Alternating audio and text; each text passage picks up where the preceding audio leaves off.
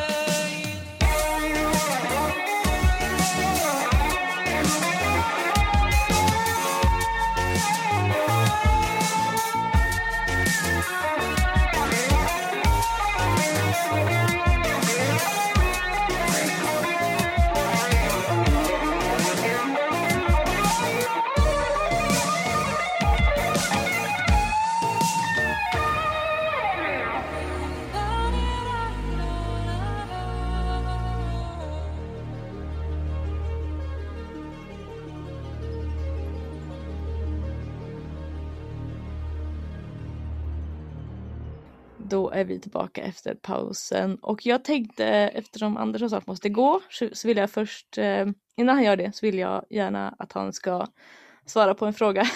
Eller alla får gärna göra det men jag tänkte Andersson kanske får göra det först. Um, ibland stöter jag på nationella män som när man pratar om kvinnofrågan så säger de saker som till exempel min kvinna eller fru eller flickvän är minsann inte förtryckt. Hon får minsann plugga eller jobba och hon får minsann gå ut på krogen med sina tjejkompisar och sådär. Jag bestämmer liksom inte över henne. Um, så sitter feminismen i ryggraden på, sådana, på de männen som måste liksom hävda, hävda liksom, den grejen. Eller varför liksom måste man, det är, för mig är det typ som en godhetssignalering. Att jag är minsann inte någon patriark i den här relationen. Vad tror du att det är för typ av liksom, fenomen när män gör så? Alltså jag, jag, jag kan inte, jag kan inte så här spontant dra mig till minnes att jag har hört någon säga samma sak, men jag, Eh, jag, jag kan se att, eh, att någon skulle göra det och jag tänker bara, så, vilken jävla tönt, bara, varför behöver du berätta det här för mig? Det, I så fall, vad, vad är det för skit? Ja, som, som du säger, alltså bara ren godhetssignalering. Bara, Jag har sett det i, i vissa sammanhang faktiskt. Eh, killar som undrar, men vad, vad, vad, vad skulle det vara för värde för mig att trycka ner min kvinna och, och varför, varför skulle jag inte unna henne att eh, delta i samhället och rösta och, ja, och mycket sådana grejer. Jag ser det både här och där, men eh, ja, jag förstår inte riktigt heller. ja, men det, det, det, det är väl så svårt också att avgöra om, hade, jag haft något konkret exempel på någon som hade sagt det här så hade jag kunnat utgått ifrån det. Men det är eh, nationalist nationalister och ännu mer national, liksom par där båda är nationalister. Det är svårt att det, du, du trillar inte över dem för varje hörn och de som finns eh, kan vara vidskilda varandra. Så att det, ja, det känns svår, svårt att avgöra någonting av det. Men det finns ju några exempel, jag vet, det här är det, du och jag var med i en grupp, det var ganska länge sedan i och för sig, men det var en man som sa så i alla fall. Eh, och liksom jag, jag, jag kanske inte hålla på att doxa folk och jag kommer inte ihåg vad, vad vi pratade om specifikt heller, om det var det här typ att ja, men kvinnor ska ut och resa och hitta sig själva och man ska låta kvinnor göra det och man, har man en flickvän ska hon få göra det och bla bla så här. Det är liksom, men många av de här männen vet ju, ja nu låter det, nu är han i alla fall, hon är i alla fall nöjd men hon låter väl mycket. Eh, många, många män som säger så vet fortfarande vad som är bra och inte för kvinnor i samhället. Men de ska ändå hålla på liksom så här, ja men jag gör minst inte så med min fru, hon får hon får välja själv och hon får jobba och jag låter henne göra det, bla bla. Eller låter, alltså ha- han typ tolererar att hon väljer ett annat liv än kanske fokuserar på barnen eller så. Ehm, jag undrar också var det kommer ifrån och jag, för mig så finns det ju bara den förklaringen att feminismen sitter i ryggraden. Liksom, det är någonting som män har lärt sig att inte begränsa kvinnor för att det, då är man ond och en mansgris. Alltså vi brukar prata om att kvinnofrågan är svårare än judefrågan för många.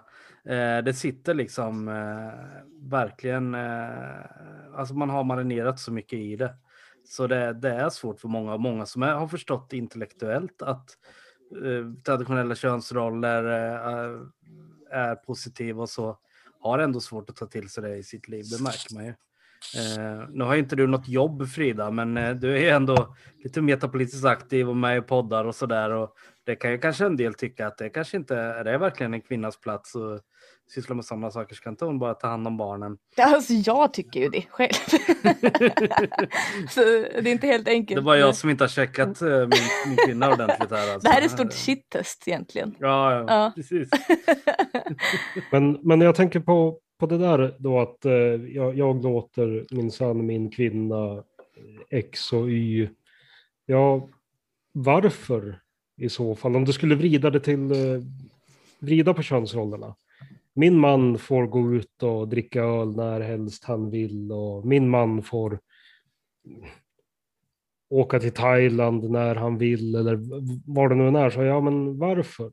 Mm. Mm. Är det, är, det, är det någonstans där i som man kommer vidare i det? Att jag, min kvinna får ja, studera på universitet för att hon är skitduktig på arkeologi eller någonting. Ja, men ja, kanske då, men så här, vad, är, vad är syftet? Är det för att finns det ett egentligt syfte eller är det bara för att det är roligt och det är kul att vara barn?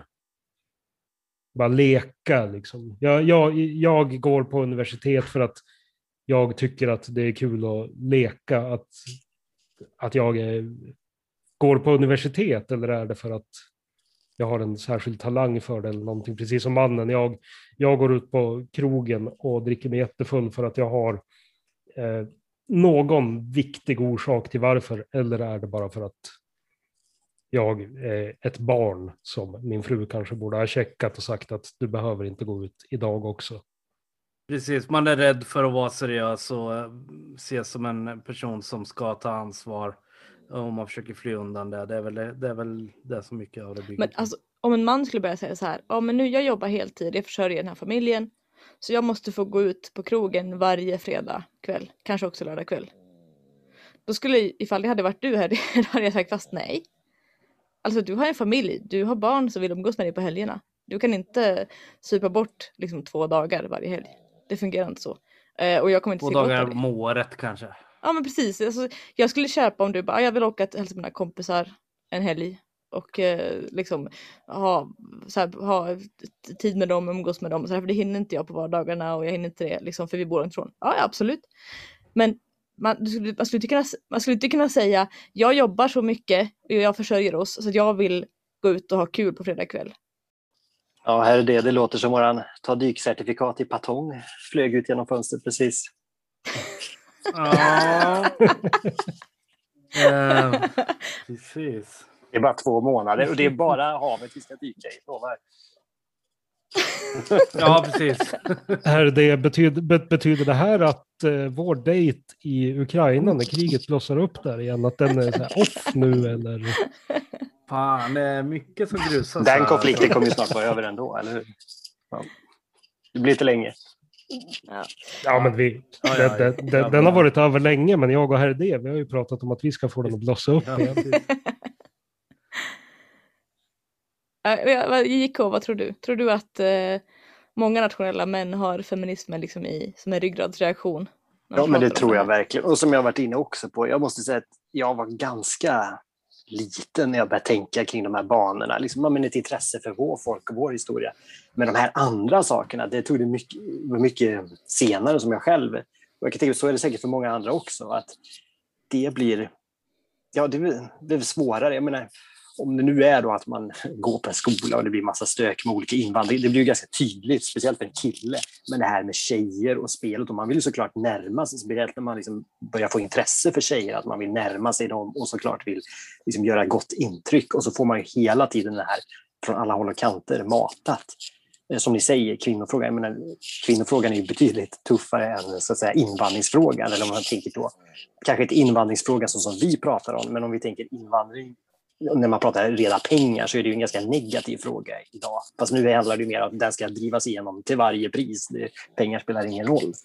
Eh, men med kvinnor, det här är ju något helt, men det, som vi pratar om abort, jag menar alla partier i riksdagen har väl samma abortlinje nu, till och med SD har väl ändrat den och så. Så det verkar inte finnas något utrymme för eller familjepolitik överhuvudtaget. Mm. Om vi nu verkligen tittar på i bred bemärkelse i samhället. Och jag tror tyvärr att vi föds in i det här och lite lättare för oss som är lite äldre kanske att ändå se på det här lite mer nyktert än de som ännu mer har, har fått gå den här vägen. Precis, men alltså jag har ju sett de här tendenserna hos allt från unga män som är liksom 20 till så här boomermän som är, ja, men som är helt enkelt är boomers, alltså äldre män. Så att det verkar ju inte vara en eh, bara generationsfråga, även om olika generationer är olika hårt drabbade av feminismen såklart. Alltså typ min pappas generation, han är född på 40-talet, han vet inte vad feminism är för någonting. Så, liksom, han, sk- han skulle inte få för, han skulle aldrig få för sig att tro på, på sådana dumheter. Eh, och han pratar ju, han pratar ju liksom rätt öppet om invandring och ja, inte jättemycket, alltså så här kön, genus, vad säger man, genusfrågan och könsroller och så här, det är inte så mycket de diskussionerna här fanns ju inte när han var yngre. Oj. Eh, så att det är ju, det är ju såklart en generationsfråga på ett sätt. Men, men, du, men jag har sett det här hos olika, i olika åldrar helt enkelt. Att man måste liksom, jag vet inte, är det någon slags cope? Här är det, är det en cope att man, man vågar inte vara den här mannen som tar, tar kommandot. Så man liksom låter sin kvinna göra saker som egentligen inte är bra för henne. Typ jobba mycket till exempel. Mm. Och Sen, eh, ja, men eh, alltså, de flesta ser ju inte ser ju inte ens alternativen idag. Som du säger, det var bara någon generation sedan det var fullständigt eh, befängt att kvinnor skulle eh, ha högre utbildning och ha karriärer och, och frigörelse och feminism. eh, Det har ju gått väldigt fort. Eh, när jag pratar om eh, att jag har en hemmafru idag, folk undrar ju om man är från en annan planet. Liksom. Det är inte ens, alltså det är inget man överhuvudtaget kan relatera till. Nej, och det, det är ju samma, samma om någon har kanske typ fem barn eller mer. Då blir, ju, då också så här, då blir det familjen annorlunda. När det, ja, precis. När det borde ju egentligen vara någonting som man ser upp och tänker vad härligt. För apropå aborter, det görs mycket aborter, men jag har ju än inte träffat en människa som ångrar sina levande barn. Nej, men det märks ju också när, när eh, ja, jag vet, det kanske inte är lika mycket som den hemmafru-grejen med att vi ska få barn tätt nu. Det är också jättekonstigt. Många får ju barn, jag vet inte, kanske inte jag, det kanske är två, tre år emellan eller någonting. Ehm, åtminstone. Och jag vet inte om det varit jätte, kanske inte varit lika mycket reaktioner på ditt jobb här det som det har varit med hemmafru-grejen. Men eh, Nej, det tror jag Lite. inte. Men... nej, nej det, är lite, det är inte lika konstigt att få barn tätt. Men hemmafru-grejen är jättekonstig, det är ju- går inte att förstå. Det är ju verkligen en revolutionär, revolutionär handling, för systemet är ju inte byggt för det. Det är ju snarare riggat för att det ska inte gå mer eller mindre. Det är klart det går, men ni förstår vad jag menar. Om man ser på... Om du ska leva normilivet och åka till Thailand eh, någon gång och ska köpa en, något sommarhus någonstans och, och liksom ska du ha en viss livsstil så kräver det kanske två löner. Ehm, så ja. Ja, men precis, samhället är ju gjort för en familj där båda jobbar heltid. Men alltså rent materiellt så är det ju så. Och har man en lägre materiell standard så är det ju udda. Liksom. Typ man bor mindre kanske. Eh, man kanske inte äger två bilar, man kanske inte gör de här semestrarna. Eh, eller man semestrar in, liksom, inom Sverige till exempel. För att man inte vill ha de här stora utgifterna. Man, man prioriterar liksom barnen. Eh, det är udda. Och jag menar, min mamma, jag pratade med min mamma idag om det faktiskt. Hon är född på mitten av 80-talet och hon var ju hemma med oss alla tre. Och redan, alltså redan då, eller redan då, men alltså hon fick ju också skit för att inte vi skulle gå på förskola. Så det är inte så att det är något nytt att man reagerar när kvinnor är hemma med sina barn längre liksom än vad de måste, så att säga. ja. Det var ju så för liksom snart 40 år sedan också. Eller 30, 30-40. Ja, det, det, det, där, är- det där är väl en, en drive som kommer med, är det The Nuclear Family eller är det strax efter, alltså typ slutet på 40, 50, 50-tal? Att eh, familjen ska vara, ja men efter andra världskriget, då man hade pinat in, männen skickas ut i krig eller beredskap, kvinnorna får ta över produktion och så vidare. Och man ser att mm, här finns det pengar att tjäna, vi behåller det här även fast kriget är slut. Det är nå- någonstans där som det där börjar uppkomma lite, lite titt som tätt, mer och mer. Ja, precis. Så, exakt. Om man, om man inför någonting av nöd som är tillfälligt och så märker man att ah, det, här, det här är bra för staten. Sta- Staten tjänar massa pengar eller vad det nu kan vara. Det är klart kvinnan ska jobba. Ja, precis. precis. Ehm, och, men det jag tänker på är just att kvinnor som jobbar eh, liksom, ja, oftast, oftast då lika mycket som män, liksom, risken att bränna ut sig är ganska stor. Därför att kvinnor gör fortfarande dubbeljobbet, alltså de jobbar fortfarande hemma också. Alltså de projektleder barnen, de har koll på barnens skolschema och de har liksom koll på allt vad det kan vara med gympa, utflykter och kalas och sådär. De sköter också hemmet i högre grad än männen. Eh, trots vårt jättejämställda samhälle i Sverige så är det kvinnor som fortfarande som gör det. Och liksom, folk tror att lösningen är mer feminism. och det är liksom, det är därför jag reagerar på män som inte liksom låter sina kvinnor vara kvinnor. Därför att kvinnor bränner ut sig i så hög grad. Det är ju liksom en epidemi bland kvinnor nu, att de är stresssjuka. Det där är någonting som jag, som jag har funderat på också, liksom hur, hur man mäter hur pass tungt ett jobb är och så vidare. När det, det varierar såklart mycket mellan olika människor och olika arbeten, men generellt sett om man målar med bred pensel så en man jobbar ofta fysiskt. Och liksom, man kan bränna ut sig fysiskt också. Men eh, bara utifrån min egen erfarenhet av barn är ju att det är mentalt extremt påfrestande. Och jag skulle kunna jobba i skogen, alltså 24 timmar i sträck och vara trött i kroppen. Men jag är inte lika trött i huvudet som jag är efter två timmar med en treåring. Så här, just det i att mm, det här när, när män, män ser ner på kvinnor för att de inte förstår kvinnor, vad kvinnor, ja men så här, ja, byta blöja på en unge, hur svårt kan det vara? Liksom, nu har jag gått och lyft tunga stockar en hel dag. Det ska jag tala om för dig, det är jobbigt. Att eh, den här mentala påfrestningen som jag tror kvinnor, framförallt att de klarar den väldigt mycket bättre.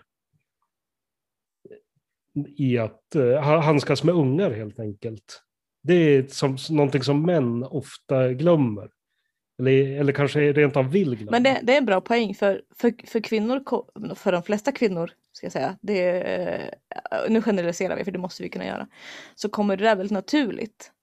Alltså det är Mm. liksom som att man är, när man gör någonting, framförallt när man har med en liten bebis att göra, så är man ju snarare ett djur än en människa. Man går på instinkt extremt mycket. Eh, och klart, såklart är det slitigt att ha en bebis som kanske är ledsen eller liksom sådär. Men det är ju liksom en växel som kvinnor kan lägga i. Som vi har. Eh, och som vi liksom måste ha, annars hade vi inte överlevt som, som människor eller folk över- överhuvudtaget. Nej, men precis. Det, det, det är exakt samma som att en, en man står och barkar utav en jävla 100 meters tallstock och tycker det är jättekul. Mm. Det är jättejobbigt, men det är också jättekul för honom.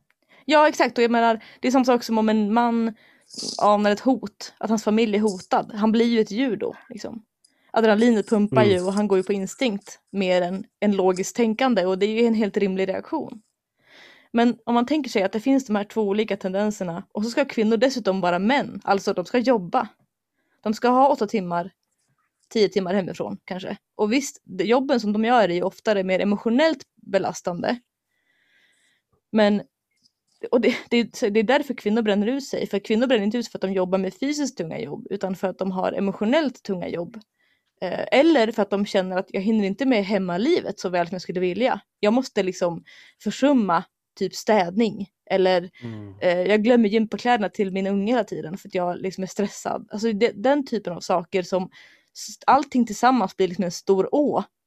Och så, och så går man in i väggen. Mm. Och så kan man inte ta sig ur Precis. sängen liksom. Så att mäns eh, drift att skydda kvinnor borde ju då, om männen förstår vad saker och ting leder till, så borde det betyda att man inte vill att kvinnor ska jobba och, och slita ut sig. Eh, men man har ju bytt ut den eh, drift, alltså den känslan av att man skulle skydda kvinnor har man ju i det moderna samhället bytt ut mot att man ska bekräfta kvinnor och man ska eh, lyfta upp kvinnor och man ska bekräfta deras eh, önskningar om att hitta sig själva och hitta sin drömkarriär och, och, och de, de här sakerna liksom. Eh, Precis. Så det, det har blivit snett så. Men det är det som stör mig. Så här, hur kan en man titta på typ en graf över utbrända kvinnor och bara hmm, nej men det är nog en bra idé att kvinnor är ute i arbetslivet. Och att kvinnor ska göra det som män gör.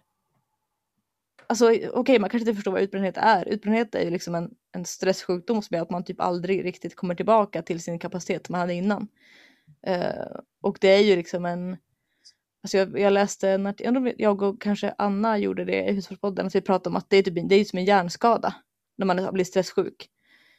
Eh, och alltså, man kan ju inte önska att kvinnor ska fortsätta, fortsätta bli det helt enkelt. Utan man måste ju så här, förstå att om min kvinna säger att hon vill gå ner i arbetstiden, hon vill vara hemma med barnen mer eller hon vill inte jobba kanske alls.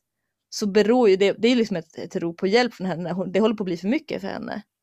Så jag förstår inte hur män kan känna någon slags så här, jag, så här, jag är en bra man för att jag låter min kvinna liksom ge sig ut i arbetslivet liksom på samma villkor som jag är där.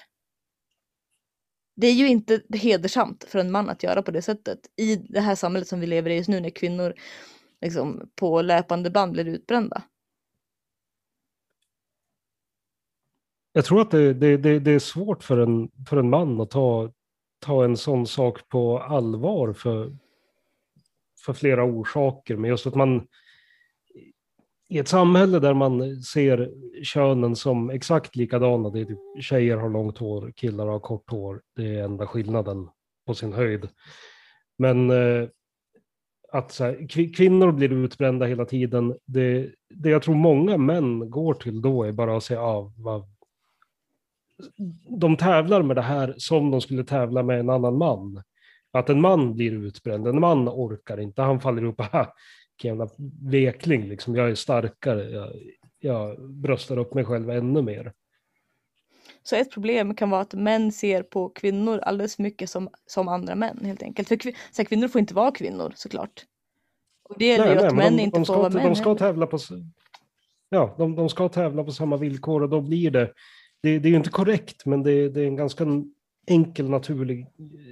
eh, Ett naturligt sätt att eh, det går till det. Ja, det, ja precis, det är klart. Ja, ja, nej, men här, här, här var bara en till som inte orkade, Ja. som inte pallade trycket. Och det är klart att det är självklart så att alltså, män omedvetet ser på kvinnor så när de får höra att, att kvinnor och män är likadana.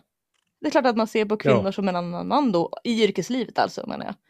Självklart. Mm. Eh, vill JK hoppa in här eller? Nej, jag har nog inte så mycket att- att tillägga kring det faktiskt.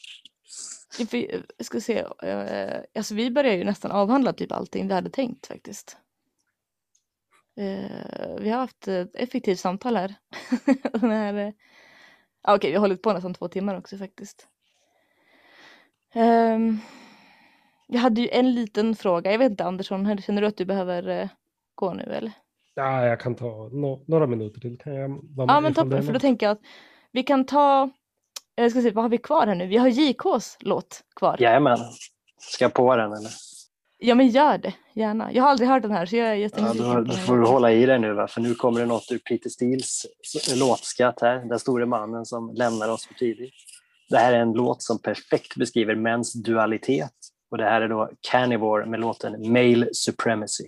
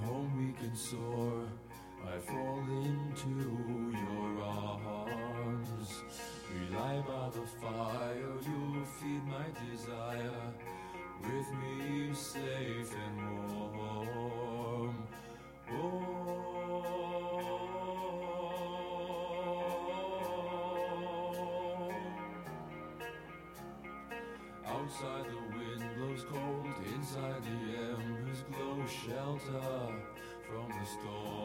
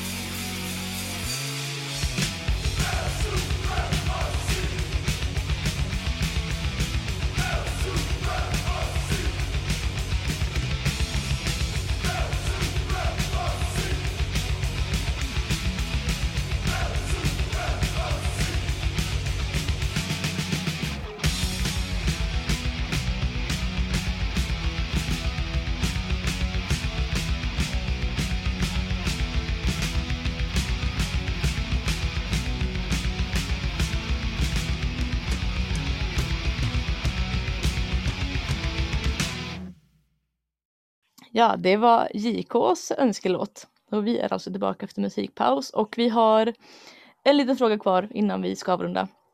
Och eh, det är en fråga som jag ser att Herr D har lagt till. Så jag vet inte Herr D, vill du bara svara på den? Det handlar om det här med women respecters som jag antar att man säger i allt högre svängar. är det många women respecters i bland nationella män? Uh, ja, det går ju tillbaka lite till det vi pratade om tidigare. Att uh, uh, många män bygger upp någon slags idealbild av kvinnor. Men så finns det också män som, i, som vad ska vi säga, som idoliserar kvinnor som bygger upp sin egen bild av kanske en specifik kvinna eller av nationalistiska kvinnor eh, i allmänhet eh, och sätter dem på någon slags ped- piedestal också. Eh, som de kanske inte kan eh, som leva upp till heller sen. Eh, som gör att man blir besviken om och om igen. Eh, om man träffar någon kvinna eller man börjar prata med någon kvinna på nätet kanske som man har tänkt att träffa. Så eh, då bygger man upp eh, de här idealen och eftersom hon eh, inte har något emot eh, mina politiska åsikter eller vad det nu handlar om eh, så måste hon ju vara en sån här fantastisk perfekt eh, kvinna som han sen kommer bli besviken på för att hon inte lever upp till, till alla de sakerna. Så att det, eh, det, det är alltid en balansgång det här mellan kvinnohat och eh, women respecting. Liksom. det är spektrat vi har att röra oss på här. Ja, precis. Ja. Det, det skalan går Ja. emellan. Men vi kom in på en ganska intressant fråga som kanske blir lång, vi får se, men vi kan försöka att ta den. Um, det, här som du, sa om nation- det här som du sa om nationella kvinnor, eh, för det har vi också lite grann i preppen, det här med att när man, om man är nationell som kvinna, eller traditionell, eh, och liksom har på egen Eller hand... konservativ. eh, Ja, eller ja, vad, precis. Vad, nu. Visst, ja. inte feminist typ nästan. Nej, precis. Då har man ju på, e- ofta på egen hand eller med hjälp av kanske en pojkvän eller någon annan i ens familj eller närhet liksom tagit en annan väg i, i, i sin världsbild än den feministiska. Eh, och det krävs lite, så här, jag vet inte vad jag ska kalla det kraft, men det krävs att man vågar göra det som kvinna. För kvinnor, det är ganska svårt för kvinnor att liksom avvika från det rådande narrativet. Eh, och det rådande narrativet är liksom Netflix på fredagskvällen med vin, det är Tinder, det är krogen. Eh, det är den här ekonomiska självständigheten. Och kan det vara så då att nationella kvinnor, eller ja, icke-feministiska kvinnor, är liksom är starka och att män känner typ att jag kan inte sätta mig på den här kvinnan, jag kan inte förtrycka den här kvinnan, jag ska använda de orden, men jag tror ni förstår vad jag menar. Just för att hon är, har en eh, någon slags styrka eller skinn på näsan som kanske krävs om man ska röra sig i, i en annan värld än, ja, norm-i-världen. Det var lite så jag menade också med, med, med eh, frågan jag skrev upp där.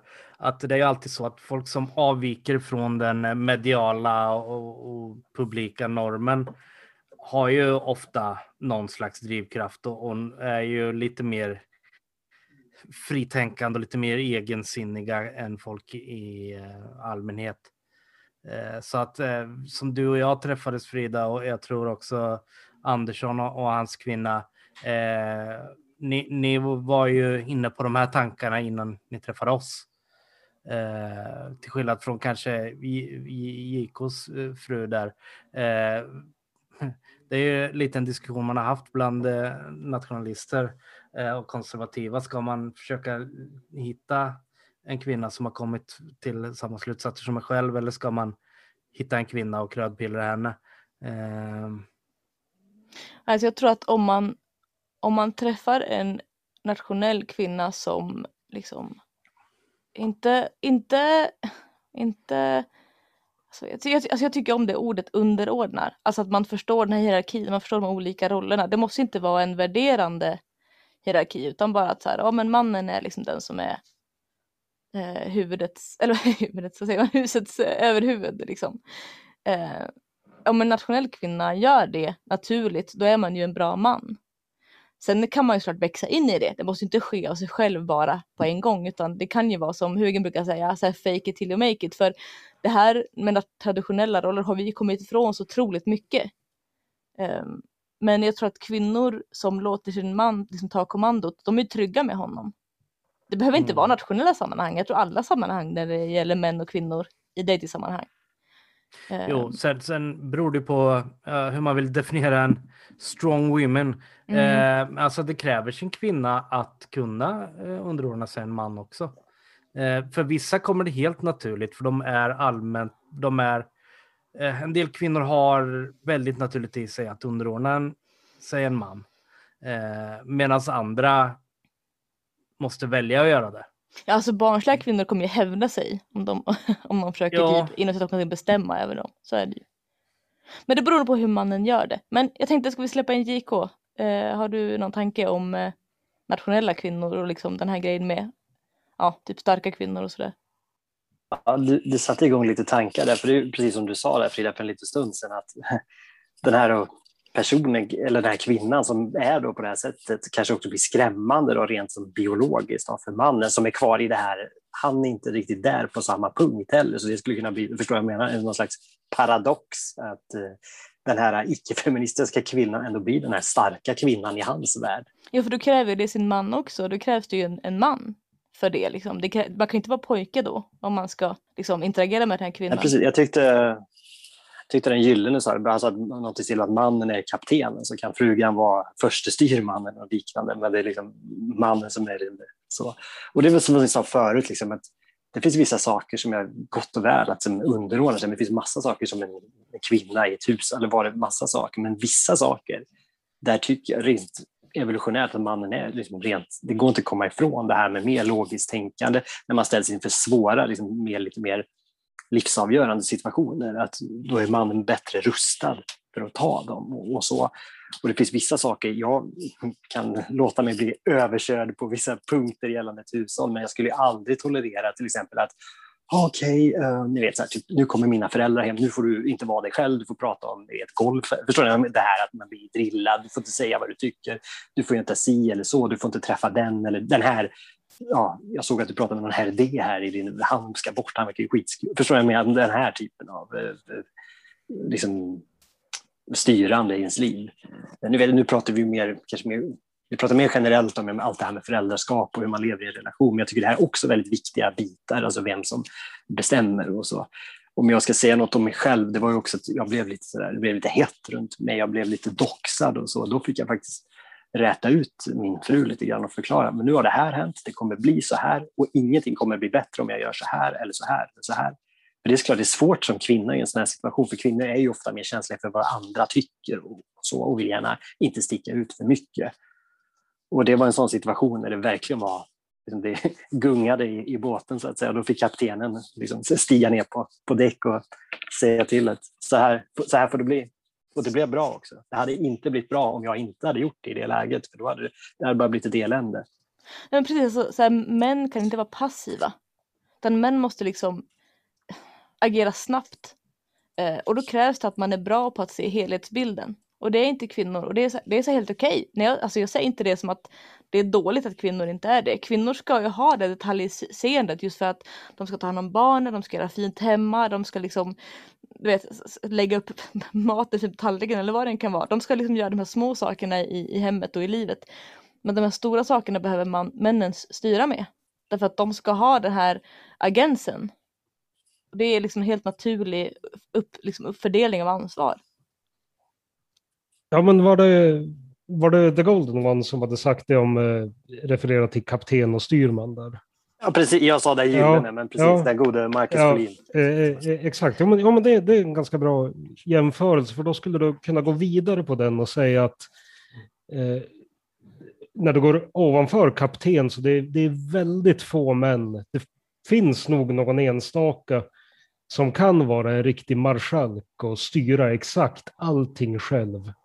Men faktum är att de flesta män är kaptenen. Han klarar inte exakt allt, kanske det mesta. Men utan en styrman så är han helt lost. Men det är ju lite det här som det handlar om att kvinnan måste lita på att mannen har kapacitet att ta de ansvarsområden som han är bra på, eller bör vara bra på. Och mannen bör släppa på de frågorna som han, han bör lita på sin kvinna att hon bör, eller som sagt ska vara bra på. Det är ju ömsesidigt och i, den, i det avseendet så tycker jag inte, inte det finns någon hierarki. Man måste lita på varandra lika mycket i de frågorna som man har släppt till varandra. Mm. Men det är det hierarkier handlar om. Alltså rätt, rätt person på rätt plats och eh, beslut ska tas på rätt nivå liksom. Mm. Och jag skulle tycka det var väldigt konstigt om, eh, om herr D skulle komma hem och börja styra och ställa över hur jag gör med barnen.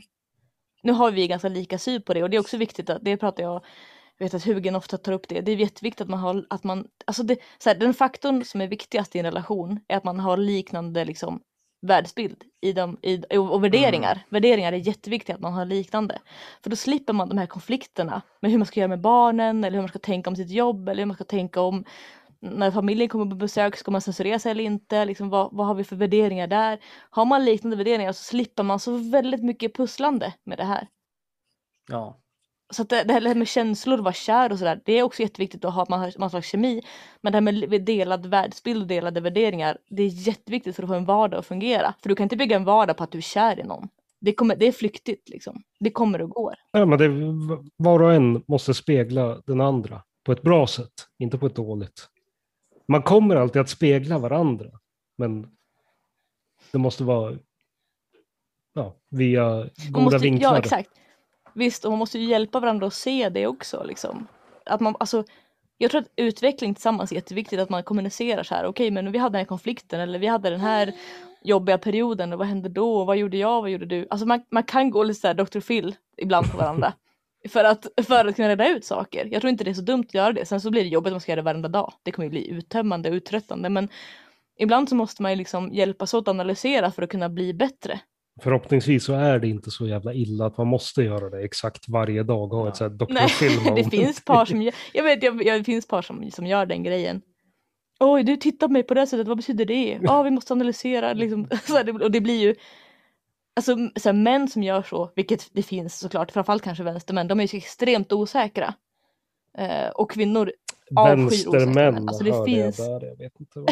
ja, jag har inte sett på det ibland så många högre män. Det finns säkert också. Alltså jag tror män, så här, jag förstår inte hur män inte kan vara osäkra idag när samhället hanterar män så som de gör. Men jag är väldigt glad att det finns män som inte eh, liksom, har blivit osäkra av det. Men det är ju väldigt svårt. Eh, Det är svårt att vara kvinna idag, det är svårt att vara man idag också. Ehm, Men en sak som är bra att tänka på det är att, att kvinnor gillar inte osäkra män. Sen måste man inte alltid ha rätt. Men han ska vara övertygad om, om liksom det han tycker. tycker. Jag är i alla fall glad att det finns män som sitter och gör apljud på bästa sändningstid. Herr D. Hust hust. Alltså, Män jag, och män, ja det kanske. Return to Pojkar monkey. blir, m- pojkar blir män nå- någon gång också. jag kan ju avslöja som faktiskt låg och sov, eller inte sov, utan låg och hade lagt barn i ett rum bredvid. Att jag hörde inga apljud från vardagsrummet. så så vitt jag vet så var det inte herr D som deltog i något sånt. Men jag ska inte, jag ska, kan inte varken berätta eller dementera mer än så. Det kanske smög in något apljud, jag vet inte. Utan att jag hörde. Ja, nej, det tror jag inte. Nej, men hörni. ehm, jag tänker att eh, jag vill ju gärna här, säga till män att eh, så här, kvinnor vill att ni ska vara män. För det tror jag att många män inte vågar tro på. Eh, men många kvinnor längtar ju efter patriarkat. Liksom. Patriarkala män och män som kan ta kommando. Alla kvinnor skulle jag tro. Ja, precis. Och just att göra också, för att det är nog lite lurigt om man träffar någon och börjar prata så som vi pratar nu, så här ska det vara, utan göra saker. Det kommer falla sig naturligt och det kommer vara Ja. bekvämt och tryggt att Exakt. landa i det, i det här. Visst, alltså en, det är samma sak som en, eh, precis som kvinnor som måste hävda sig, en man som måste hävda sig framstår ju som extremt osäker. Han ska ju kunna styra liksom bara av att han är en person som in, liksom in, vad säger man, inger respekt.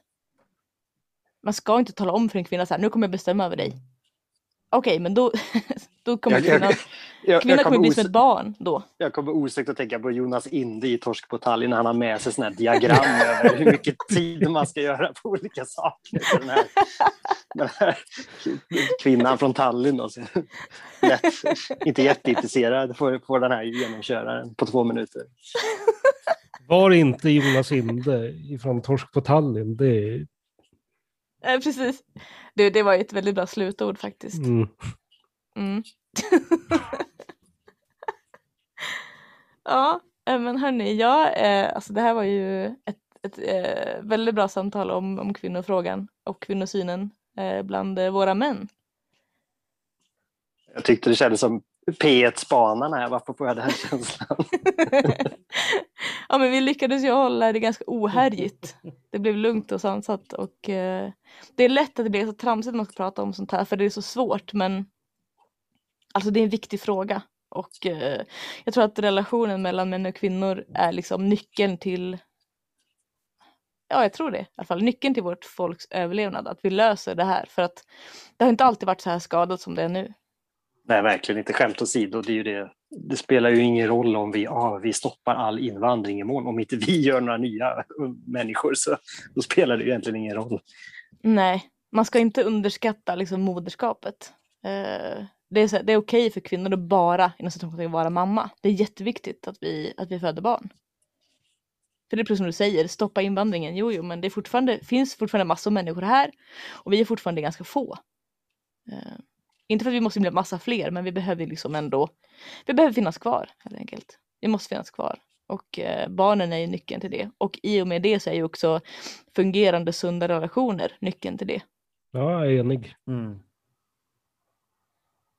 Toppen. Skönt att eh, alla män sitter och håller med mig här. Det är bra. Ja, vi vet ju att du har ena handen på den här utsparkningsknappen där. ja, precis. Jag folk. Säger, ja, ja, exakt. Jag märker ifall någon börjar Du är, ju ändå, du, du är ju ändå rörelsens motsvarighet till Tino Sanadaci på den här. Jag sitter Sitter och och smisslar här nu. Jag sitter ja. och smisslar. Vi sitter och smisslar. Nej men jag, jag ehm, pratade med här det innan om att podden heter Kvinnofällan men det är inga kvinnor som är med. Det är svårt att få kvinnor att vara med. Men kvinnor har annat att göra. Kvinnor har barn att Ja, om och ja, så vidare. fan de har mat att Och, eh, laga. Och... Eller hur? Och det, jag, jag kan ju eh, så här, ska, så, att, så att folk vet att jag lyckas ändå laga mat och hålla barn nöjda. Sådär. Eh, det går. Ehm, men eh, vi får se hur det går i höst. Jag har ingen aning. Då kommer jag ha två små. Ja, men det är lite gulligt att du har en hobby också. det här är ju en hobby. Ja. Men det är en ganska rolig hobby. Och eh, det finns ju både män och kvinnor som har hört av sig till mig eh, under mina, ja det blir också snart två, två år. Jag podda, började podda när vi, när vi träffades. Här, jag hörde det. Mm. Eh, många har hört av sig och tackat mig just för att det finns inte så många kvinnor som kan prata om kvinnofrågan. Eller mansfrågan för den delen, eller någonting egentligen. Eh, kvinnor har ju lite svårare att eh, vända sig emot, som sagt, som du sa JK, kvinnor är känsligare för vad folk tycker. Mm, som tur är så är jag autistisk nog att inte bry mig så mycket. Så att jag kan sitta och säga saker som folk inte vill höra egentligen. Eller kanske vill höra. Det är lite, det är lite både och. Um, men just, just det, kvinnor och män som hör av sig tackar mig just för att det är ganska hopplöst om inte kvinnor får, får säga till män att så här, det är okej att vara man. Kvinnor vill ju ha män. Liksom.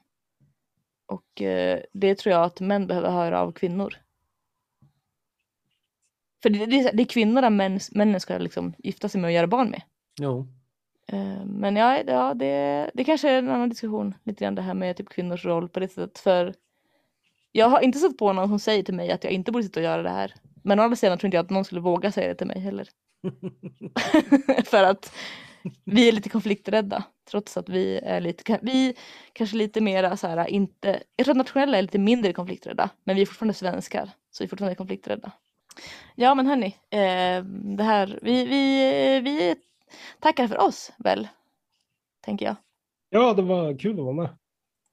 Ja, tack till allihopa. Tack till Herr D, tack till JK och tack till Andersson. Ja, men det var kul att vi fick ihop det här. Det är jättebra. Ja, verkligen. Och eh, ni som Slappa gillar det känna ni sig som tredje, tredje juli. Nej, det har du väl aldrig känt JK hoppas Nej, jag. då, nej, då. Nej, det var sista två avsnitt så lyckades vi babbla på rätt bra om föräldraskapet. Herr D fick klämma in någonting här och där men Ja, eh, precis. Jag hade sovit fyra timmar per natt eller några nätter och var helt död. Så här, måste jag vara med i podden? Så, här, ja, men det, det absolut, jag ska vara med. Sen fick jag inte ett, en syl i vädret ändå, så jag hade lika gärna kunnat gå och lägga mig. Nej. Man, man behöver ett kuttersmycke också i de här programmen, även om det är radio. Ah, ja, ja, ja, ja. Ja, tack hörni. Jag ska göra lite så här små reklam för att man kan gå in på svegot.se och bli stödmedlem om man gillar det man hör här i, i Svegot helt enkelt. Radio Svegot. Ehm, ja, det är väl godnatt nu va? Det är det. ja, men det tycker jag. Ja, morgens.